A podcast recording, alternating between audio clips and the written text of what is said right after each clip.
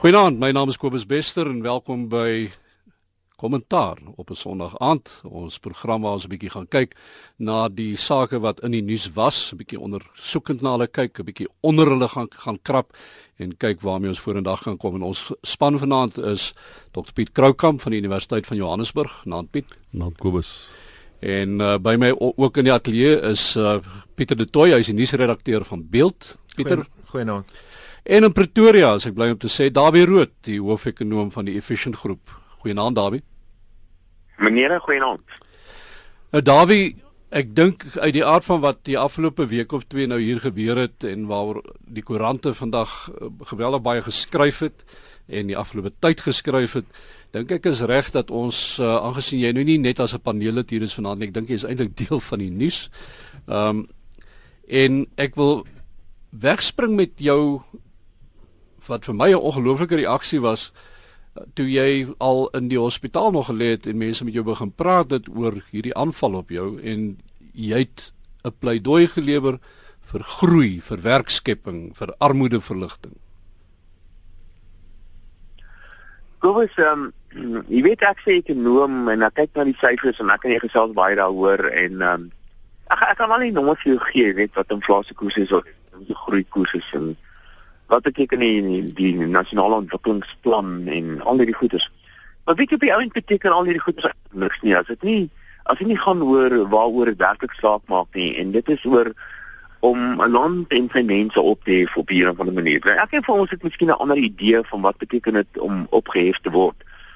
Party mense reken dis opgehef te word deur ryk te word, uh, ander mense reken is deur beter kwalifikasies te hê of maar op die ou end glo ek as 'n ekonom dat die enigste manier hoe mense gemeenskap kan ophef is deur ekonomies vooruit te gaan. En dit kan dit dit sluit eintlik 'n klomp dinge in. Dit sluit goeders in soos byvoorbeeld om inderdaad ryker te word om 'n beter lewensstandaard te hê en ook om goeders te hê soos byvoorbeeld 'n le veilige lewensomstandighede en beter goeie mediese dienste te hê, goeie kwalifikasies te hê op die ou end. Op die ou end gaan dit daaroor om 'n gelukkige gemeenskap te hê.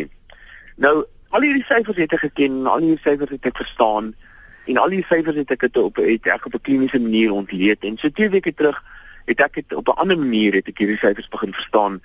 Toe ek gekonfronteer was deur 'n drie gewapende jong mans wat ehm um, ek het ek ken hulle nie ek hulle is nie in hegtenis geneem nie maar ek is baie seker as ek sê dat ek dink nie hulle is hulle is behoorlik geskoold nie ehm um, ek dink nie hulle is in diens neembaar nie en ek weet hulle is gewelddadig. En ek het Suid-Afrika se toekoms op 'n manier gesien en as ons nie vandag is uh, streep in die son trek nie, dan is ek bevrees sien 'n baie swaarheid vir Suid-Afrika vorentoe. En dieselfde aand wat ek deur hierdie beproewing gegaan het en dieselfde aand wat ek ehm um, ervaar het hoe my familie en ek self in gevaar was, dieselfde aand het ek ook die die wondere van Suid-Afrika ervaar soos wat my dogter my hospitaal toe gejaag het en soos wat ek die effektiwiteit en die en die deernis van my bure gesien het en van die hospitaal gesien het en daar daarna hoe almal my ondersteun het en vir my familie ondersteun het en ek staan afskeid en verstomming daaroor. Ek dink wat wat ek probeer sê is dat dat hierdie land het het sy ongelooflike ehm um, goodwill dink ek as jy weet nie wat Afrikaans daarvoor is nie. En ons kan dit nie ons kan dit nie laat tot niet gaan nie. Ons moet iets daaraan doen en en ons ons weet wat die antwoorde is. Ons weet nie wat die probleme is en dit is niks niets nie. Ons het 'n ons het 'n politieke leierskap wat 'n swak politieke leierskap is. Ons het 'n um, wat verward is, ideologies verward is. Ons het 'n politieke leierskap wat al ons instellings minag wat vir jou en vir my minag wat uh, die staatsbeheerde organisasies in die grond en bestuur die afgelope 2 weke of die afgelope paar dae eintlik het ek probeer vasstel wat besig is om te gebeur in die nuus en daar's niks niets nie. Um ek kry een minister wat myne dreig, ek kry 'n ander minister wat dreig om te nasionaliseer en ek kry ander minister wat dreig, hulle dreig net.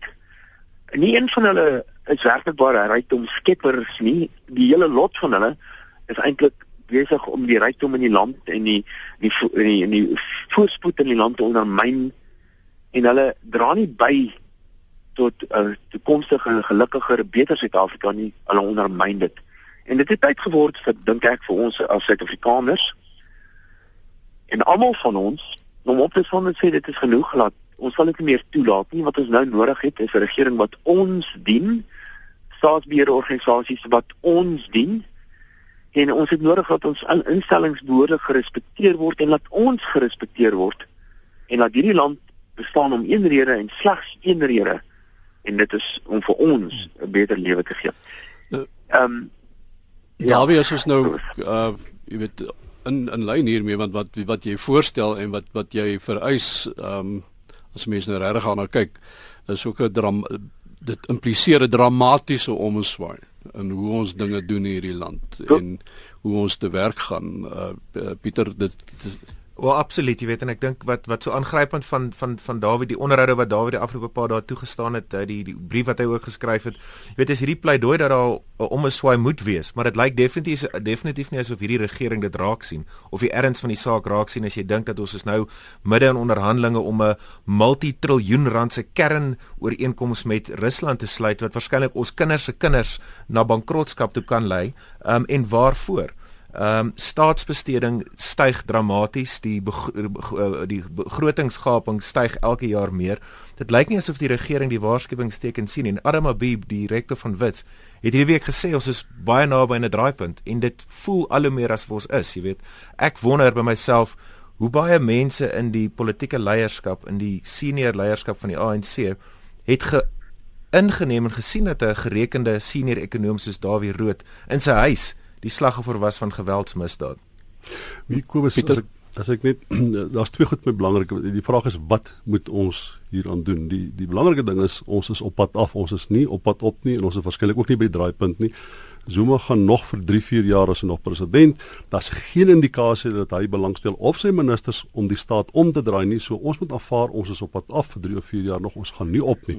Die vraag is wat moet ons nou doen? En interessant, ek, weet net vir oomblik aan hierdie geval uh, meneer Zuma vroeër hierdie week gesê maar daar's niks fout hier in die land nie. Die ja, land is op ja, pad. Dis, en, en dit lyk of die ministers soos ja, soos Adam Abib ander mense wat weer sê maar hy's uitvoering uit. Hy weet nie eintlik wat in die land aangaan. Soos Adam Abib gesê dit lyk asof die kabinet, die ministers, die uitvoerende gesag totaal onbewus is van wat gebeur. So die vraag is wat moet ons doen? En, en een van die dinge wat ons moet aanvaar vir die volgende 3, 4 jaar minstens, terwyl ons nie die staat kan omdraai nie, sal ons op 'n of ander manier self verantwoordelikheid moet neem vir sinema ons eie veiligheid of die infrastruktuur wat ons wat ons gaan beskerm. Die ander belangrike ding is die Instituut vir Sekuriteitsstudies hierdie week 'n baie interessante uh seminaar gehad en daarin het hulle gesê ons moet versigtig wees om te dink dat arme mense verantwoordelik is vir geweld in Suid-Afrika. Ek is seker dit dit verskaf die konteks. Maar hulle weet byvoorbeeld in uh, dat die dat, uh, in Gauteng alleen is daar rondom 3000 misbaksels wat met gewere rondloop en georganiseerd en ongeorganiseerd uh uh geweldsmisdade pleeg. So hulle het 'n redelike idee van die konteks waarin dit plaasvind en hoeveel mense daar is. Hulle het genoeg intelligensie om 'n bepaalde waarneming oor die die verskynsel te maak. Die polisie se misdaadintelligensie het 'n 30% kapasiteit verloor oor die laaste jaar jaar en 'n half. Nou wat beteken is die polisie weet minder van wat met geweld en geweldsmisdade in Suid-Afrika aangaan as die Instituut vir Sekuriteitsstudies. En ek dink dis waar ons probleem is. As ons wil iets doen aan misdaad, iets doen aan geweld, iets aan die aan die ekonomie, ons sal dit ongelukkig self moet doen. Die staat is nie nou gerad vir dit nie. Ons bly nou by misdaad uh, want die feit is ook wat ons hierdie afgelope week gehoor het, daar's hierdie week alleen 8 polisiemanne manne vermoor, uh, doodgemaak. Um, wat wat wat mense weer eens ook die vraag laat vra wie se beheer hierso? Ja, want jy weet hierdie ag polismanne wat wat nou vermoor is, nee, kom direk na die konteks waar 'n klomp boere ook uh op mekaar vermoor is. Met ander woorde, dis asof die die hoë prioriteitsgroepe met ander woorde boere en polismanne en vroue die geweld neem teen teen daai tipe van noem dit nou maar uh sensitiewe groepe of uh blootgestelde groepe neem al hoe meer en meer toe. Dis 'n ander ding wat die Instituut vir Sekuriteitsstudies gesê het is dat die paramilitêre kapasiteit van geweldsmisdadigers is besig om 'n selfvertroue te kry wat hulle bereid is om die staat aan te vat. Net vanmôre het ek gesien dat hulle was daar foto's gepubliseer van die laaste polisman wat doodgeskiet is. As jy daai ouens sien, dis dis masjiengewere wat in in, in daai stasie rondgeloop het. Dawie praat van syfers, jy weet en ek dink mense kan op 'n baie kliniese en empiriese manier sê dat misdaad neem toe. Gelekte syfers vroeër vanjaar en ons is 'n maand weg van die kommissaris van polisie wat die nasionale misdaadsyfers weer bekend gaan maak. Maar gelekte syfers vroeër vanjaar het gewys dat tussen Januarie verlede jaar of Februarie verlede jaar en April vanjaar net in Gauteng is moord met 10% op. Huisrooftogte is op met 14%. Motorkapings is op met 11%. Nou dit is reeds op die vorige paar jare se stygings. Uh, weet sê dit Ria Piega oorgeneem het as jy jy kan die grafiek gaan trek. Het is die misdade waarvoor die mense meeste bang is, misdade aan jou huis, moord, uh, motorkapings, het alles dramatiese stygings getoon en dit is eksponensieel op van die vorige jare. Jy weet, so ons is besig om hierdie om hierdie stryd te verloor. En maar jy het nou 'n naam genoem daarso ook, Piega, die kommissaris van polisie uh, wat self ek wil amper sê in 'n staat van beleg is. Ehm um, en nie veel kan uitdruk sy veg vir eie oorlewing en at, ja. hierdie week het Helen Zil het sy 'n nuuskonferensie gehou en dit gaan oor 'n verslag uh, regsverslag wat te doen gehad het met uh, die polisie se betrokkeheid by misdaad en die manier hoe hulle reageer by in Kailicha in die Wes-Kaap. En Piega het omtrent elke aanbeveling van die regter of van daai regskommissie sy eenvoudig net geïgnoreer. Sy doen absoluut niks daaraan nie. Ons moet aanvaar dat die noem dit maar die default setting van die polisie is om niks te doen om te oorleef. Daar's geen manier wat hulle nou die organisasiestruktuur in plek gaan sit om misdaad binne die volgende 4 jaar onder die presidentskap van Jacob Zuma enigiets aan te doen nie. En ek wil net uh, in, in inspring hierso net voor ons op die lig gegaan het, was daar vanaand op, op Kaat Blanche het hulle met die polisie gepraat. Hulle praat met luitenant-generaal Solomon Magale wat die woordvoerder is en hy is gevra oor Riapie gaan gevra oor Riapie se kwalifikasies om nasionale polisiekommissaris te wees. En sy reaksie was jy moet verstaan dat wanneer jy op senior bestuursvlak in die polisie is, is dit net soos om checkers te bestuur of om soos 'n winkelgroep te bestuur. Jy moet bestuursvaardighede en hulle glo sy het dit. So die polisie word bestuur soos 'n checkers. Nie dat ek sê checkers word sleg bestuur natuurlik. Nee, maar ek meen dis een ding om kos te verkoop en die ander een is om jou kos veilig in jou huis te hou, nee, maar nou ja. Ek is ek is spraakloos eintlik. Ek het nou ek het nou vrae op die punt om my tong gehad, maar toe jy nou begin, Dawie, ek hoor jy wil praat. Ja, ek wil net iets byvoeg. Jy weet, ehm um, uh, jy sê heeltemal reg. Ek meen die afgelope 2 weke was daar verskeie publisiteit gewees oor oor wat met my gebeur het. Maar weet jy, dit is so verskriklik verkeerd. Maar dit gaan nie oor my nie. Jy weet, ek het e-posse gekry die afgelope week honderde. Nie net van ondersteuning en mense wat wat wat wat my probeer uh moet inpraat nie, maar van mense wat dieselfde storie vertel. Hierdie is net is nie net 'n storie wat gebeur met een of twee mense of met jou bure of iemand wat jy van gehoor het nie. Hierdie is 'n storie wat met almal gebeur. Hierdie is ook 'n ding wat gebeur met ons polisie mag. Hierdie is ook 'n ding wat gebeur met ons met ons staatsdiens en mense wat veronderstel is om vir ons te werk en ons te dien. Dit is nie net dit is nie 'n geval hierdie van ons en hulle nie. Dit is almal, dit is almal ons hierdie. Dit is almal Suid-Afrikaners wat vandag hierso ehm um, staan en wat waarna ons vaskyk is ek dink in die eerste plek is swak politieke leierskap en daarmee saam die waardes wat daarmee saamgaan. So ek dink dit is dit is belangrik dat ons nie 'n onderskeid tref tussen boere of tussen ekonome of tussen polisieman dit is ons almal wat ly onder hierdie verskriklike ding wat besig is om hierdie land te gebeur. En van as ek my ekonomiese hoed vir oomblik mag opsit ek dink dit is nie meer 'n geval dat ons kan wag tot volgende jaar om hierdie probleem reg te stel nie. Ek dink ons het al reeds te lank gewag om hierdie probleem reg te stel. En suiwer vanuit 'n ekonomiese oogpunt is daar 'n paar dinge wat ek dink mense aan die hand kan doen om hierdie probleme reg te stel. Ek dink nie ons kan wag tot Zuma uiteindelik oor 3 jaar indien hy wel die tyd gaan leer lê tot hy die tyd van hier lê nie. Dit is belangrik dat ons nou iets daaraan doen en daar's so baie wat ons kan doen. Ja, die, die punt is Kobus gister, in die laaste 24 ure 46 mense in Suid-Afrika vermoor. Die vorige 24 uur ook 46 mense. Van daai noem dit maar 100 mense wat vermoor is, net 14 van hulle kan verwag dat die persoon wat hulle vermoor het uiteindelik gaan tronk toe gaan. Dis die skerry statistics. Maar het ons nie geweldig afgestomp geraak nie eh, Pieter, as so as dit nie gebeur met iemand wat jy ken nie. As dit nie gebeur met iemand met 'n profiel soos Davison nie, dan is dit so half asof hierdie goed het alledaags geword. Uh, daar is nog 'n ou daar ge, af afgemaai, daar is mense vermink uh, en ons ons hoor dit so baie dat ons op die ou einde half 'n dop om ons gekry het. Ons ons is nie sensitief daarvoor nie. Ek dink so Kobus en jy weet ek dink ons sien dit by die koerante. Ek sien die terugvoer van lesers af. Ek, ek die manier waarop ons misdaad by die koerante ook hanteer en besluit hoe om dit te hanteer. Ons word elke dag by die koerant in die by die met die nuusvloei so gekonfronteer met so baie geweldsmisdaad dat wanneer ons besluit om 'n geweldsmisdaad storie te gebruik, het sy op die voorblad of op die binneblaai as 'n prominente storie, moet dit 'n uitsonderlike misdaad storie wees want daar is so baie. Daar's so baie verhale wat ons kry, e-pos wat ons kry, polisieverslae wat ons kry en en en en, en En mense is ook keelvol daarvoor om dat dit in hulle kele afgedruk word. Ons het deur 'n tyd gegaan seker so 6, 7, 8 jaar terug waar daar wat dit gevoel het asof daar wel 'n afplatting in misdaad was en die syfers het dit ook gewys, maar definitief die afgelope 3, 4, 5 jaar het dit skerp gestyg. En en is anekdoties, maar toenemend hoor jy van mense in jou dampkring en jou in jou vriendekring en jou onmiddellike kring van invloed wat ook slagoffers is van misdaad. Dit kom al hoe nader en Dawie het ook gesê in een van die onderhoude dat dit was net 'n kwessie van tyd dat hy deel gaan word van die statistiek want die syfers wys dit. Maar nou gaan kyk ons na die oplossings en uh, van die mense wat deel van daardie oplossing behoort te wees. Mense hoop dit. Dawie het uh, verwys net nou na uh, ek dink Nwako Gramatlodi uh, wat uh, eenvoudig 'n myn sluit omdat hy besluit het hierdie ouens het uh, het nie reg opgetree nie.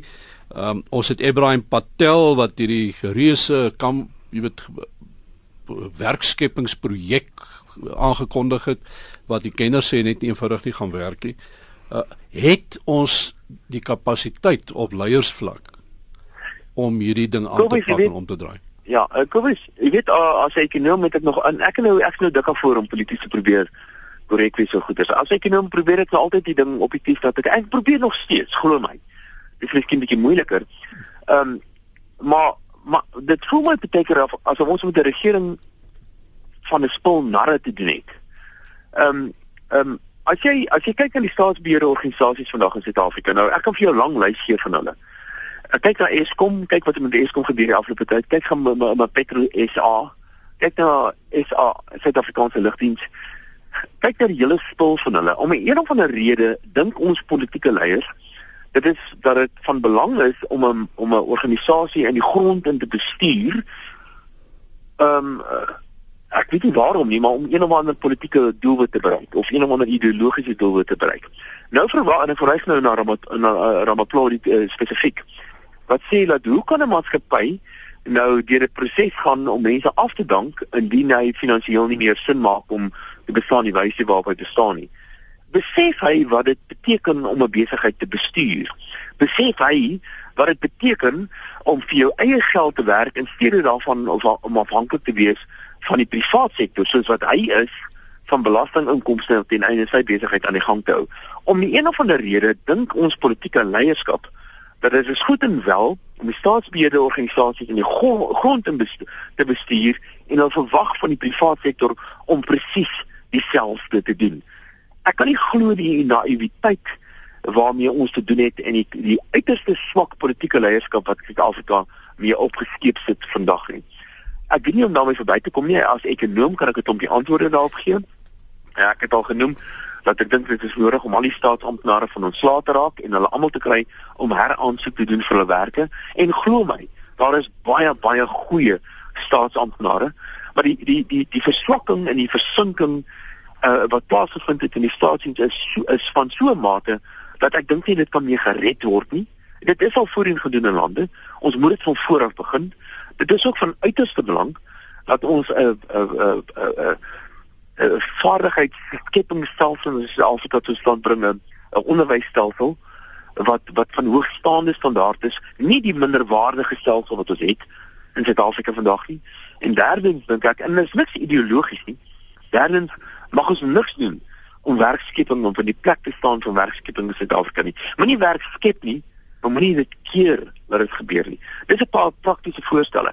Maar die eerste ding wat ons moet doen, is politieke leiers te kry wat verantwoordelikheid neem vir hulle dade en ek is bevrees dit het ons sekerlik nie. Ja, nee, ek moet met Dawie saamstem. Ek ek kan nou vir jou sê die klomp wat is nou, dat gaan nie die ding omdraai nie, maar wat vir my daar daar's 'n paar interessante dinge wat wel besig is om te gebeur en dit is uh wanneer is die staat verswak? Jy betaal geweldige prys, maar daar mense moet baie keer kyk of daar nie 'n voordeel daarin is nie. Eskom is op die agtervoet en hy's besig om te retireer en ek dink die private sektor is besig om in te kalwe in die domein van van die private sektor ag van van van Eskom. Daar's klomp boere ja. in, in KwaZulu-Natal wat sê ons kan suiker kan ons gebruik, ons kan energie vervaardig, ons kan kragstasies opsit. Die private sektor begin doen, myne begin doen, boere boere begin krag produseer. Met ander woorde, soos wat die staat swakker word en retireer, en dis jammer dat hy op so 'n manier moet retireer, maar terwyl dit nou alles wat wat ons het, terwyl dit ons met hierdie swakste scenario sit, is daar een voordeel dat die private sektor entrepreneurskap toenemend daai gapings begin vul. En ons sien dit in die onderwys ook. Kiro en in verskeie private sektor uh, instansies wat begin om sê maar ons kan onderwys en opleiding beter gee as die staat. Dis in elk geval 'n uh, nie baie slim ding om om die staat te vertrou met jou kind se onderwys en opleiding. So wat ek probeer sê is daar is oral entrepreneurs in Suid-Afrika wat besig om daai gaping te vul. As ons die staat, as die staat nie heeltemal inplonk nie, as hy op 'n manier net lafhartig retireer soos wat hy nou doen, dan bied dit inderdaad baie keer geleentheid vir mense met kapitaal, met uh, entrepreneurskap, met vaardighede om daai gapings te begin vul en as dit ware weer die terrein wat normaalweg aan die ekonomie moes behoort, aan die private sektor moes behoort, as dit ware weer terug te eis, weer terug op te eis. Dis 'n stadige, dis 'n pynlike proses, maar dit is waarskynlik een van die redes hoekom ons teen 1,4% groei in Brasil is in 'n resessie is omdat daar genoeg vaardighede in Suid-Afrika is aggressiewe militante vaardighede wat bereid is om die uh, terrein op te eis vir die staat agterlaat in sy vlugtog. Maar Dawie die die groening is uh, wat baie van hierdie uh, goed wat Piet nou genoem het, um, is goed en is en en dit moet meer gebeur. Maar wat opvallend is ook is waar mense vandag 'n antwoord vind om te kan oorleef en met hulle besigheid te oorleef is dit gewoonlik ook ten koste van werkskepping. Dis ten koste van diens want uh, mense het moeg geword vir die vir die blykbaar vir die vir die wetgewing wat wat arbeid beheer, uh, moeg geraak vir allerlei ander probleme wat hulle aan bande lê, so hulle haal die mens uit die sommetjie uit. Uh Kobus, en dis nie net 'n verkeerde ding om te doen nie. Jy weet, ek het so rukkie terug het om 'n navorsing gedoen oor landbou in Suid-Afrika en landbou wat tradisioneel gesien is as dis maar net een voorbeeld. Landbou wat tradisioneel gesien is as een van die primêre sektore.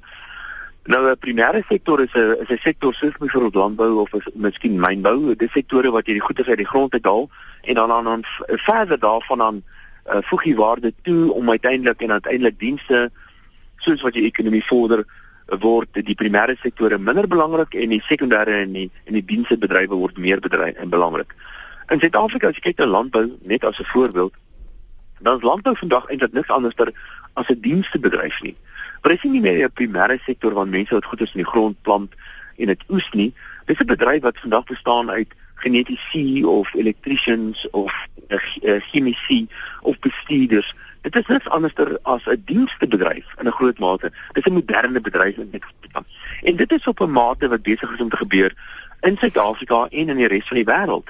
Is waar die die private sektor eintlik besig is om hulle hulle regering van die dag verby te steek. En dis inderdaad wat besig is om te gebeur in Suid-Afrika.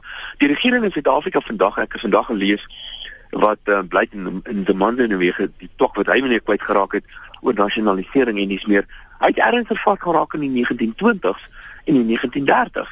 Hy het nie 'n benul hoe werk 'n moderne ekonomie nie. En voordat hy sy oë gaan uitvee, gaan die moderne ekonomie myle voor hom wees uh, en hy dink hy's nog deel van die regering en ek dink dit is wat besig is om te gebeur. So die wonder van die moderne ekonomie en die wonder van tegnologie is eintlik ons redding op die ou end.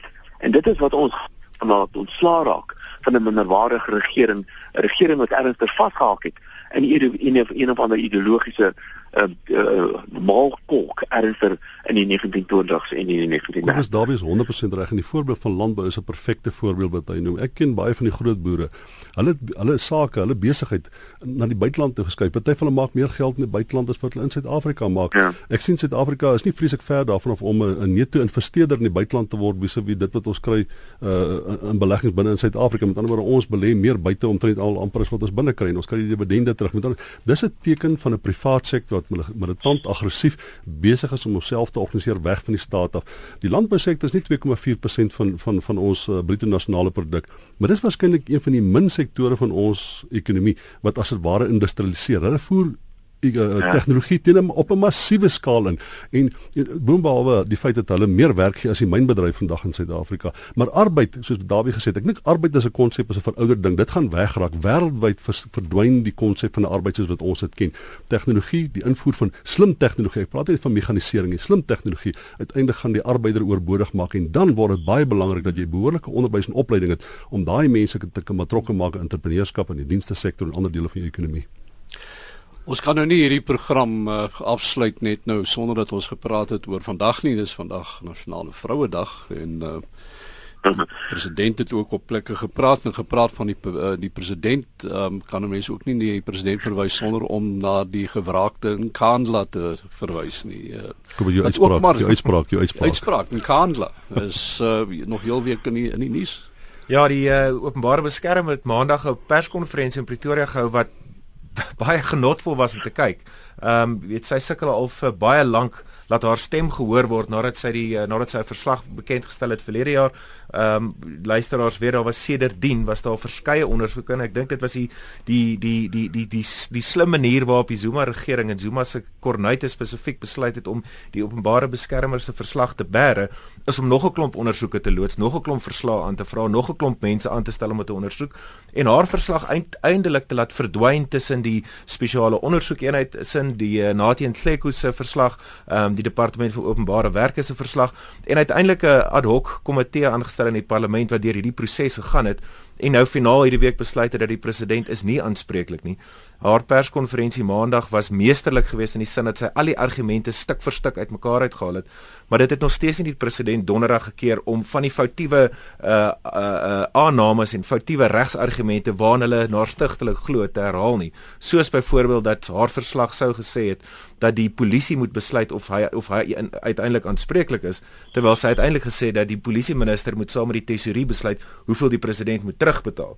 Ehm um, hierdie saak gaan uiteindelik hof toe gaan en ek dink meeste van ons luisteraars en ek self kan nie wag dat dit uiteindelik in die Hooggeregshof en waarskynlik in 'n hoër hof daarna beland. Kobus, daar's 'n sensitiewe ding hier en dit is as die EFF toegelaat word om op hulle uh, kop omlaag storm manier hierdie ding uh, hof toe te vat, kan ons beland voor 'n grondwet of wat sê luister man, ek kan nie inmeng in manier hoe die parlement sy werk doen. Ons wil nie daai uitspraak hê nie. Die ding moet reg van die begin af. Hy moet eers na die Hooggeregshof uh, hof toe gaan dat die Hooggeregshof 'n finale opinie hê oor wat is die regsgeldigheid of die afdwingbaarheid van die uh, openbare beskermer se se menings en dan vat ons dit in die ja. volgende fase toe. Ons moenie die ding omdraai en dan want op die ou end as jy van die grondwet of veral nou hulle is baie spesifiek sensitief vir wat hulle noem overreaching hmm. in die politieke domein. Hulle sal nie vir die parlement vertel hoe moet hy met omgaan met die openbare beskermer nie. Piet heeltemal reg. Ek dink ek dink daar moet twee goed gebeur voordat dit nog by die konstitusionele hof uitkom. Daar's 'n gaping in die wet op uh uh die wet op etiek van lede van die uitvoerende gesag, die etiekwet. Ehm um, die wet soos hy geskryf staan het, maak geen voorsiening daarvoor dat die uh dat die staatshoof uh uh die ondersoek van 'n OB verslag kan wees. Dit praat net van ministers byvoorbeeld en lede van uh provinsiale wetgewers. Uh, jy weet so daar's 'n gaping, daar's geen presedent daarvoor of geen wetlike voorgeskrewe hmm. proses nie. Ehm um, en en dan die tweede tweede ding wat moet gebeur is die Wes-Kaapse Hooggeregshof het vroeër vanjaar uh, regter Skippers het uitspraak gelewer wat sê dat die OB se bevinding is nie afdwingbaar nie, maar dit kan ook nie geïgnoreer word nie. Nou die OB het dit geappeleer so die Hoogste Hof van Appel in Bloemfontein moet eers daaroor beslis, dink ek voordat ons deur deur die proses kan gaan om om om by die konstitusionele hof uit te kom, maar die enigste manier wat ons dit gaan oplos is deur die howe en ons praat nog 'n hele aand oor leierskap. Weet swak leierskap kom van bo af. As jy staatshoof het wat 'n 'n 'n grondwetlik verskanste instelling soos die openbare beskermer net ignoreer, hofbevele ignoreer met al-Bashir, wat verwag jy dat weet verwag ons enigstens iets beter in die leierskap van die polisie of staatsbeheerde instellings of enige ander instelling van die staat? Maar dit laat ook 'n vraag ontstaan uh, as ons nou vandag se voorblad op uh, van die City Press gekyk het. Ehm um, jy weet die die die manier waarop die president en sy ondersteuners net eenvoudig sekere instellings soos die openbare vervolger kan ignoreer of soos jy sê vir haar, haar goed probeer verswelg in 'n klomp ander papier. Uh en dan sit ons nou weer met die nuwe baas van die nasionale vervolgingsgesag, uh, Sean uh, Sean Abrams, uh, wat nou blykbaar gaan bekend maak want dit is nou 'n gelekte dokument wat nou hier uh, pryk op die voorblad. Uh dat hy nou skielik vir Gerry Nel en 'n klompie ander ouens weer wil vervolg oor allerlei goed terselfdertyd dat hy nou vir uh, Majiba die advokaat hmm. van die nasionale vervolgingsgesag lid van die gesag in die tronk moes gewees het wat ja. eintlik al in die tronk moes gewees het en wat nou uh, blykbaar gaan die vervolging teen haar net eenvoudig laat vaar word en nog 'n paar ander mense wat wat ook in die ja, Kobus ek dink die gemors wat by die nasionale vervolgingsgesag uh, aangaan kan 'n mens nou al amper by die punt wie sê kom ons ignoreer dit. Ons kyk of daar nie bigger events is wat dit gaan wat wat oor gaan vat nie. As hierdie ding van in Kandla uiteindelik in die hof gaan beland dan dink ek gaan die konsekwensies daarvan so geweldig wees dat ongeag wat met die nasionale vervolgingsgesag gebeur, Jacob Zuma sal op 'n manier verantwoording moet doen. Nou dit kan wees dat hy uiteindelik weer in hof moet gaan beland en dan kan ons dan gaan dit baie baie moeilik wees om hom skuldig te bevind, maar eintlik al wat ons wil hê is hy moet net verslag aan die hof kom.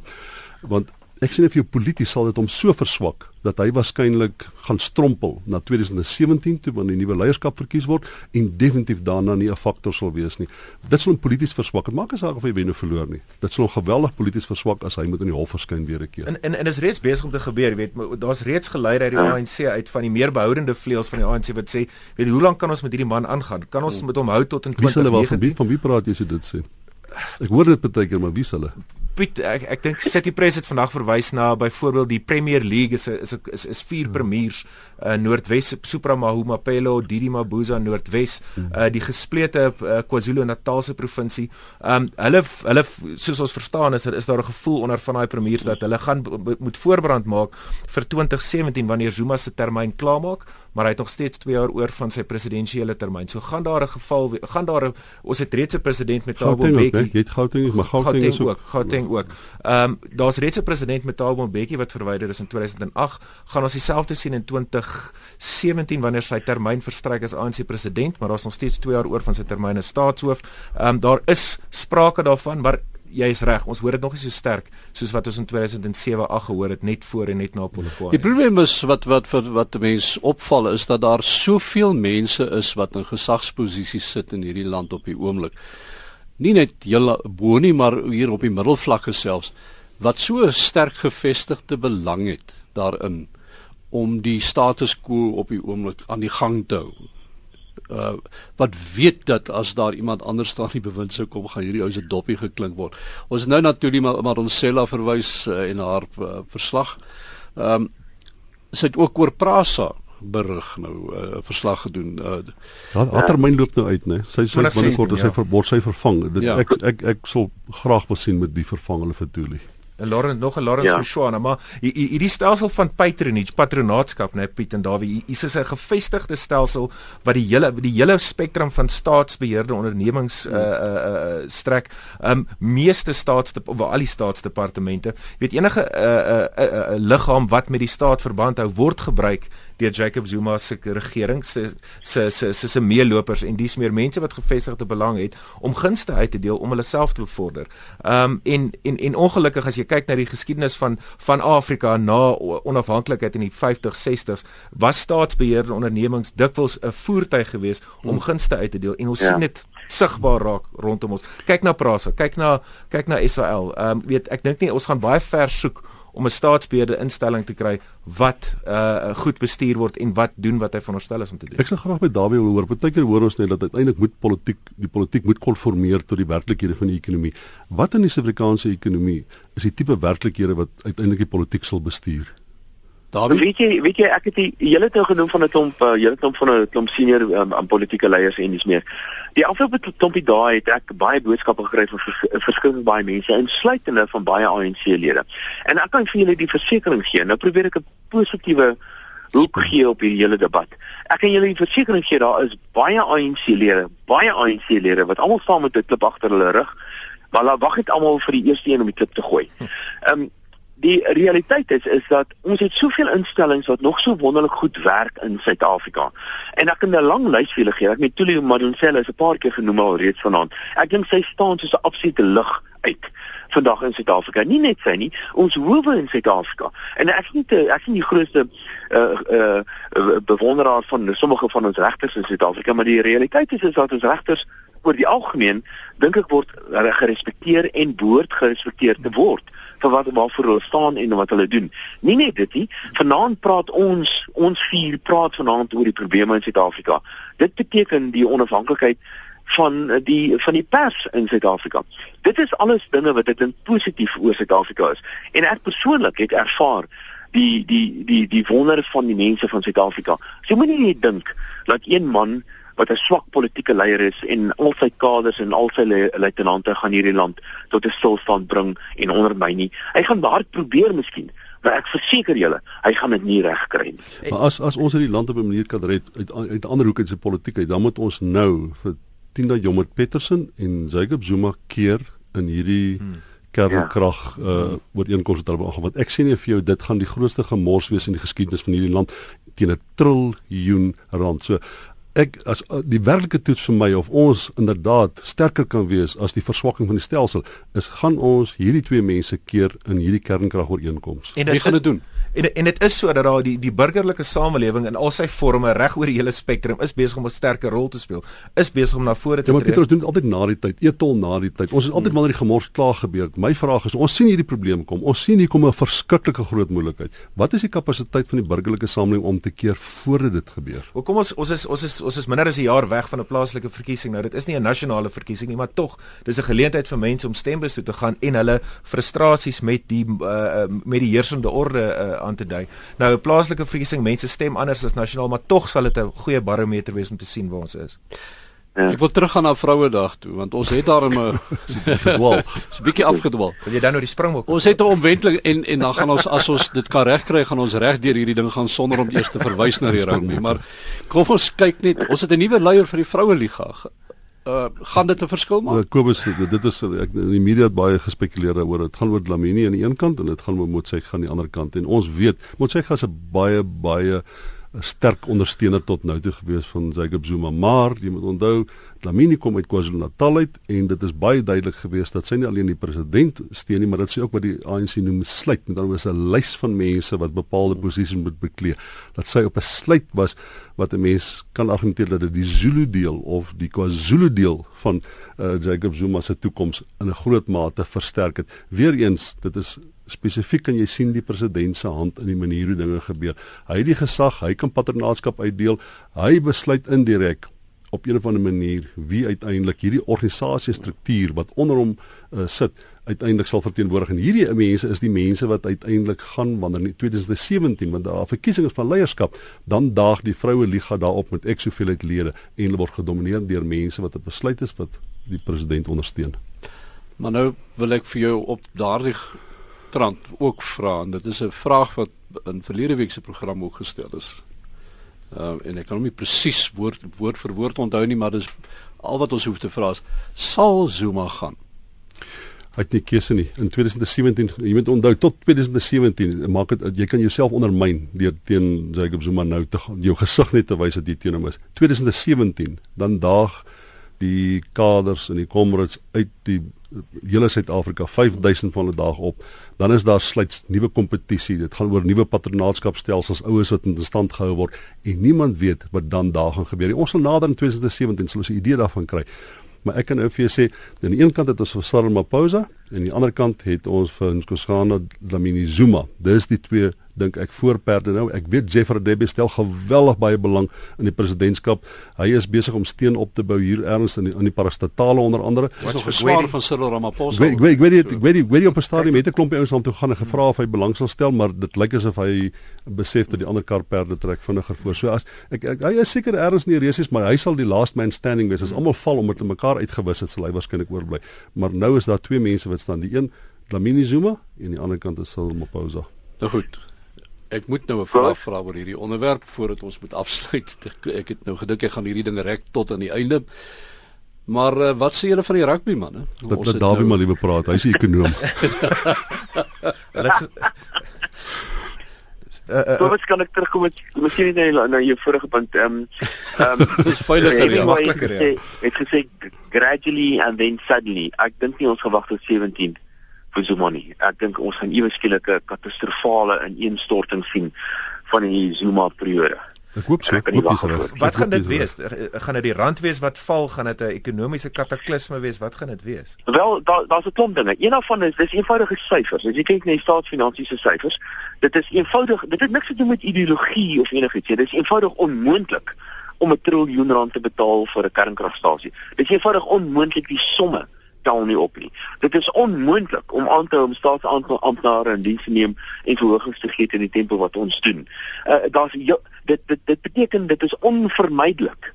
En ek gebruik nie hierdie sterk woorde sommer net nie uh, dat ons uiteindelik in hierdie tempo sal ons 'n afgradering sien. Sal ons 'n swakker rand sien, sal ons hoër inflasiekoers sien en sal ons swakker ekonomiese groei sien. Daardie goeders is op die ou en die ding wat bepaal waar jy jou kruisie. Dawie, Dawie, daai goed gaan hom verswak, maar ek om terug te kom by Pieter se vraag, ek sê vir jou die die daai uh sentrale oomblik waarvan jy praat gaan wees wanneer hy in 'n hof moet verskyn.